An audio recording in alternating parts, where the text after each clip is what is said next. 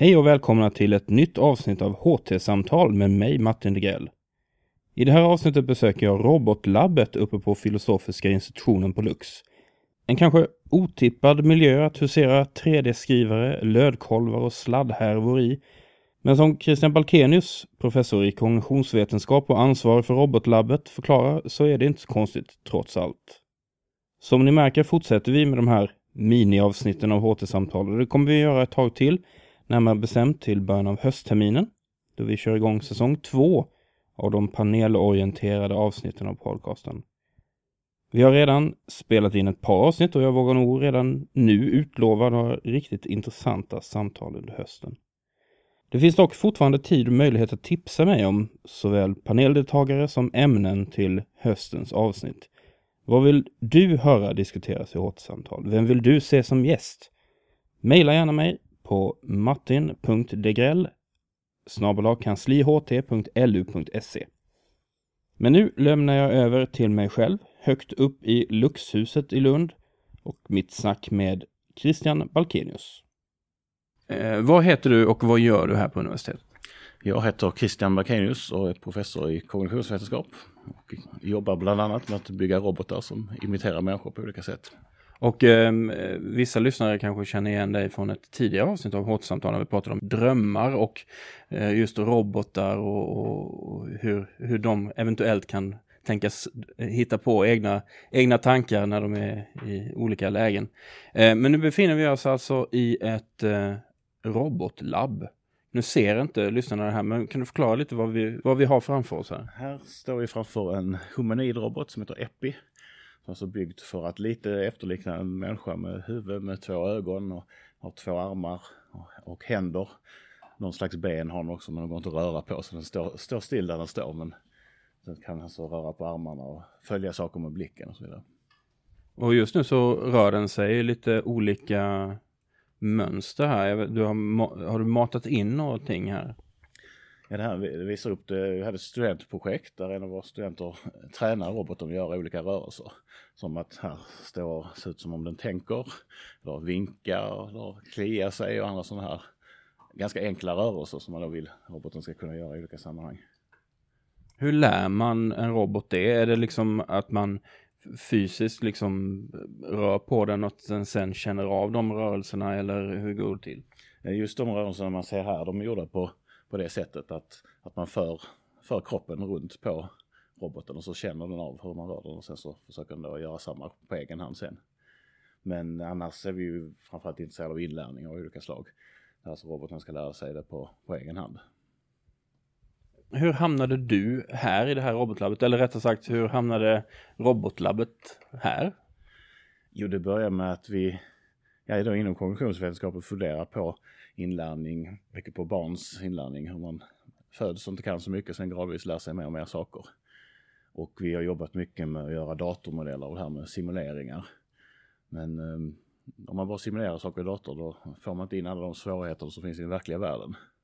Så genom att bygga en robot så ja, då ställs roboten inför liknande problem som människor har när det gäller att kunna till exempel se eller känna, eh, röra sig och så vidare. Och den riktiga världen är mycket mer oförutsägbar än det man kan simulera i en dator. Så hur, eh, hur länge har du intresserat dig av de här frågorna? Ja, åtminstone i 25 år har jag jobbat åt det här hållet. Eh, och mycket som sagt innan har varit bara datorsimulering som inte kunnat visa för någon. Men sen de senaste åren har vi börjat mer och mer att försöka lägga in de här idéerna vi har i robotar. Eh, och då upptäcker vi hur komplicerat allting är. Så, så när började själva det vi nu ser framför oss här nu, den här roboten. Och vi står alltså i ett rum där det är massor med, med skojig utrustning och olika små minirobotar och allt möjligt. Hur lång tid tog det innan det började bli verklighet rent i, i konkret fysisk form? Mm. Alltså vi har ju byggt lite robotar ganska länge, nästan hela tiden, men det har varit väldigt begränsade, kanske någon, någon liten apparat som kunde köra omkring på golvet på hjul eller så här. Men det är först ska jag säga, de senaste fem åren så som vi har börjat bygga humanoidrobotar. Hur mycket har det att göra med liksom teknikutvecklingen och hur mycket har det att göra med eh, kompetensen in-house så att säga? Ja, det, är, det är ju båda delarna, att vi, vi kan ha mer kunskap och kan göra mer komplexa saker. Men det gör också att man kan köpa komponenter som gör det lite lättare idag än för säg 25 år sedan. Sen en riktig revolution här det är när det kommer 3D-skrivare. Att istället för att mekaniskt tillverka alla delarna så kan vi rita dem på datorn och sen skriva ut dem. Just det, vi står här faktiskt vid en, vid en eh, som inte är igång just nu men den, den har eh, Ja, det, ni har två stycken här Ja, men ni, jag vet att ni använder den, den mindre helst. Ja just det, för den fungerar mycket bättre så att då blir det den. Ehm, Ja men det måste ju ha inneburit en, en, en enorm förändring eller förbättring av, av möjligheten att testa olika miljöer och olika, olika tekniker på. Ja, det ju en väldigt kort väg från att man har en idé till, kring någon fysisk komponent till att man då kan skriva ut den och testa den. Eh, För gör man mer traditionellt på me- mekaniskt sätt så tar det väldigt lång tid och man får aldrig göra fel för då måste man börja om. Men gör man fel här så bara skriver man ut en till när man har rättat det som blev- blev tokigt. Är det, är det, stöter ni på eh, många som, som blir förvånade över att det, att det finns ett robotlabb här i, i, i Luxhuset? Jo, så, så är det ju såklart. Och så tänker vi, vad har det här med humaniora att göra? Men då brukar vi förklara att det handlar ju om att förstå hur, hur människor fungerar, hur människor tänker och lär sig. Och vi använder robotarna som ett verktyg där för att, för att testa teorier kan man säga. Ingenjörer brukar säga att om man inte kan bygga det så förstår man inte det. Och vi försöker bygga då någon, någon maskin här med vissa mänskliga egenskaper för att förstå dem. Finns det andra robotlabb eh, på LU? Ja det finns det. Det finns ju på den tekniska sidan så fin- finns det robotlab men de är mer intresserade av det just som maskiner, att bygga effektiva maskiner som kan användas i industrin och så vidare. Även om man även där blir mer och mer intresserad av till exempel hur människor interagerar med robotar. Så att eh, det som tidigare var väldigt industriellt och väldigt långt ifrån det vi gör, vi närmar oss ju sakta varandra. Så vad, vad är framtiden för Epi som vi har här framför oss? Eh, vi vet att det finns en Epi nummer två också. Ser vi där borta, eh, längre bort i rummet. Och där är den stora skillnaden som jag kan i alla fall se för blotta ögat att eh, där finns det ben eller rättare sagt hjul. Ja just det. Ja, det är en stor skillnad. Den, den här står där den står. Och man kan ju naturligtvis göra väldigt mycket utan att kunna röra sig men, men vi människor vi rör oss runt hela tiden och har framförallt att vi har en rumsuppfattning som vi använder för allting vi gör nästan. Eh, och man får ett mycket större handlingsområde om man kan röra sig. Så tanken är att den här EPI 2 eller vad den nu ska komma att heta så småningom ska kunna röra sig runt i huset här. Och inte vara låst till, till en plats i robotlabbet. Och vad kan vi se fram emot då? Vi som arbetar här i huset, är det liksom, kommer vi se en liten robot rulla förbi med, med kaffe på väg till någon eller, eller eh, no, eh, någon, ett brev som ska skickas till någon annan, lite snabbare internpost eller? Ja, vi, vi hoppas på det. vi, vi gick faktiskt runt i hela huset. Det är som tur är handikappanpassat men vi försökte kolla om det var robotanpassat också. Det är nä, nästan så att den här borde kunna ta sig runt överallt okej. här. Det är ju lovande. Sen ska ni ju bara hitta det också, inte gå in i väggar och köra över folk och så. Men, men eh, rent praktiskt borde det kunna fungera det här. Men om vi nu bortser från att liksom hämta kaffe till er och sånt, vad hoppas ni på att den ska kunna hjälpa er med i forskningen? Jo, nej, det, det som vi har som mål här nu och kommer väl ha ett fram, tag framöver det är att försöka imitera hur ett barn utvecklas under sitt första år. Alltså sensormotorisk utveckling och lära sig att titta på saker som rör sig, följa saker med blicken, sträcka sig efter objekt och manipulera dem enkelt. Men även då ta sig från ett ställe till ett annat. Och eh, börja titta också på viss alltså social interaktion. Så de här nya robotarna har till exempel en, en pupill som kan röra på sig. Så att den kan signalera att den, den uppmärksammar att det är någonting som är svårt när den, när den tänker. Men hu- hur, hur så att säga ställer ni roboten på motsvarande nivå som ett barn? Alltså hur, hur vet, för då måste ni ju samtidigt också då veta hur då ett barn uttrycker sig eller rör på sig eller tittar. Och, precis, och, och det blir ju inte någon exakt kopia där direkt utan man försöker förstå vilka utvecklingssteg ett barn går igenom, vilken ordning kommer det ena och, och, och, och det andra och sen så försöker vi då ge roboten förutsättningar att lära sig det här. Eh, om man jämför det här med många andra robotlabb så är det väldigt många som sysslar med inlärning, alltså att man låter roboten lära sig en sak och sen är det klart. Men det som vi är speciellt intresserade av är en långsiktig utveckling, så att man lär sig en sak och sen kan använda det för att lära sig nästa. jag tänker mig också att det finns många eh, från andra fält som är intresserade av den här. Alltså har ni, har ni, vad har ni för samarbeten med eh, andra discipliner om det, om det finns några sådana?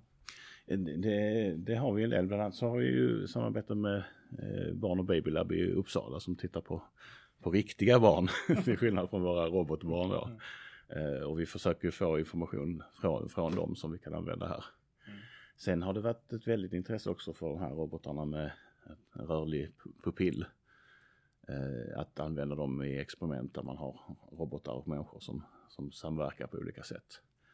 Ehm, just för att man kan styra roboten så den kan göra saker som en människa inte kan göra. Och då kan vi se hur, hur människor reagerar på det. Jag vet att eh, så eye tracking är väl ganska populärt. Jag vet att Humlabbet håller på mycket med, med sådana saker. Pratar vi något motsvarande här med den här rörliga pupillen då? Det här, här är ju uh, på andra hållet egentligen. De, de, där mäter man hur ögat och pupillen rör sig. Vi försöker istället bygga ett öga som, som kan röra sig och pupillen kan, kan förändras. Mm. Så att data därifrån är ju jätteintressant för oss och vi tittar väldigt mycket på, på det. Vi har byggt modeller av ögonrörelser som vi sen lägger in i roboten. Så om, om du skulle bara beskriva en, eh, en helt typisk arbetsdag. Om du har, nu alla, alla jag har frågat i den här serien säger att det finns inga typiska mm. arbetsdagar. Det är allting ser helt olika ut. Men om du skulle ge dig på, hur, hur, hur ser det ut? Kommer du upp här och börjar skruva på massa robotar? Eller vad, vad händer? Jo, en typisk arbetsdag i labbet om vi ska ta det. Ja, vi kan, precis, precis, kan precis för att annars ser det ut som alla andras. Mm.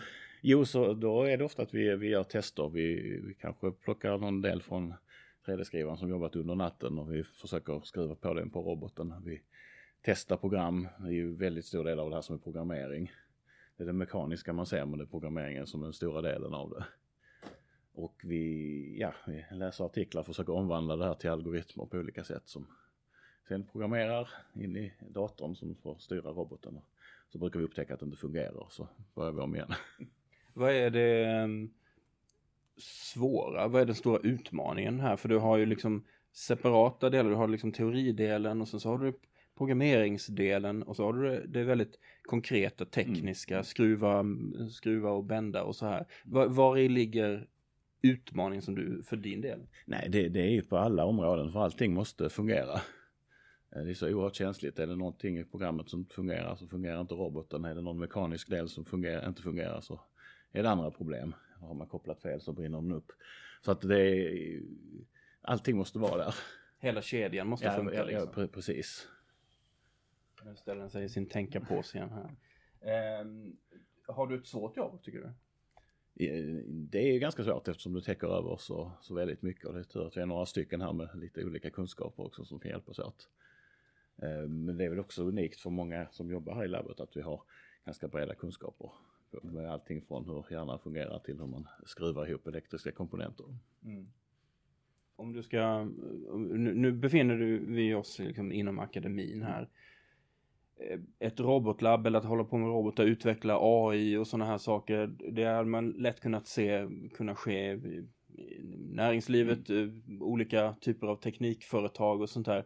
Vad skulle du säga är för och nackdelarna med att befinna sig inom akademin och göra detta?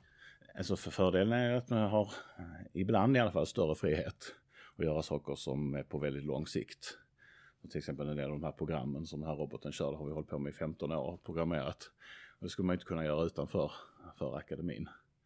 Eh, det som kan vara nackdel om man tar nu stora företag som börjar titta på artificiell intelligens är att de har enorma resurser å andra sidan. Kan ha hur mycket datorkapacitet som helst. Eh, så det är både fördelar och nackdelar. Mm. Men den stora fördelen är just att man kan ha en långsiktighet, åtminstone ibland här. Eh, och kan välja själv vilken väg man vill gå. Mm. Så det ja. behöver inte fungera efter en vecka eller efter ett år än. Så. Nej, just det. Folk är vana vid de här långa perspektiven. Mm. Liksom. Så vad, vad händer härnäst? Vad, vad, är, vad är det nästa? För, har något spännande på horisonten? Förutom att fixa då att Epi 2 börjar rulla runt här i huset. Ja, det, det, det som är precis nästa, nästa steg, det är egentligen två saker. Det är att vi gör, gör experiment med den här roboten med pupillen. Så vi tittar på hur människor reagerar på det. Så det är pågående just nu. Eh, nästa steg här med den här roboten vi har framför oss, det är att titta på öga-handkoordination. Alltså hur den kan titta på ett objekt och sen sträcka sig efter och manipulera det. Det har vi gjort i andra enklare robotar innan. Men eh, nu ska vi prova det i den här humanoidroboten. Riktigt.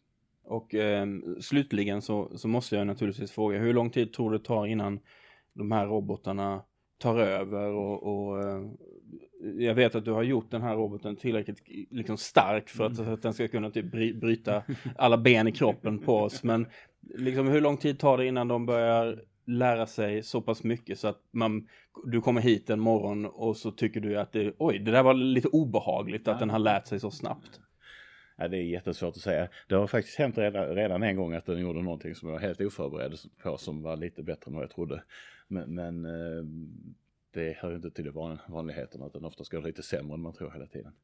Alla brukar alltid säga att eh, om tio år så har vi allting men det har jag tänkt hela tiden att det tar tio år till. Så det, det tar nog längre tid än så.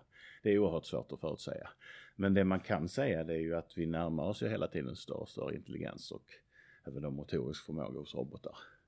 Så någon gång i framtiden kommer de här kunna göra åtminstone det mesta som en människa kan göra. Precis när vi skulle sätta igång här så, så såg vi hur eh, Epi 1 här eh, liksom gjorde en liten sån rörelse som indikerade typ krama eller liksom eh, nästan göra en näve av, ja nu gjorde de det bara för det, av ena handen. Och då så sa du så här, ja ah, det var ju lustigt, det, det, visste vi inte att den kunde. Och då känner jag bara så här, det där är ju så här prologen till en sån skräck science fiction eller något i den stilen. Ja just det, fast oftast går det inte längre här än att vi upptäcker att vi har en bugg i programmet som vi får fixa. Ja men eh, tack så hemskt mycket för att jag fick komma hit och ställa lite frågor till dig. Mm, tack.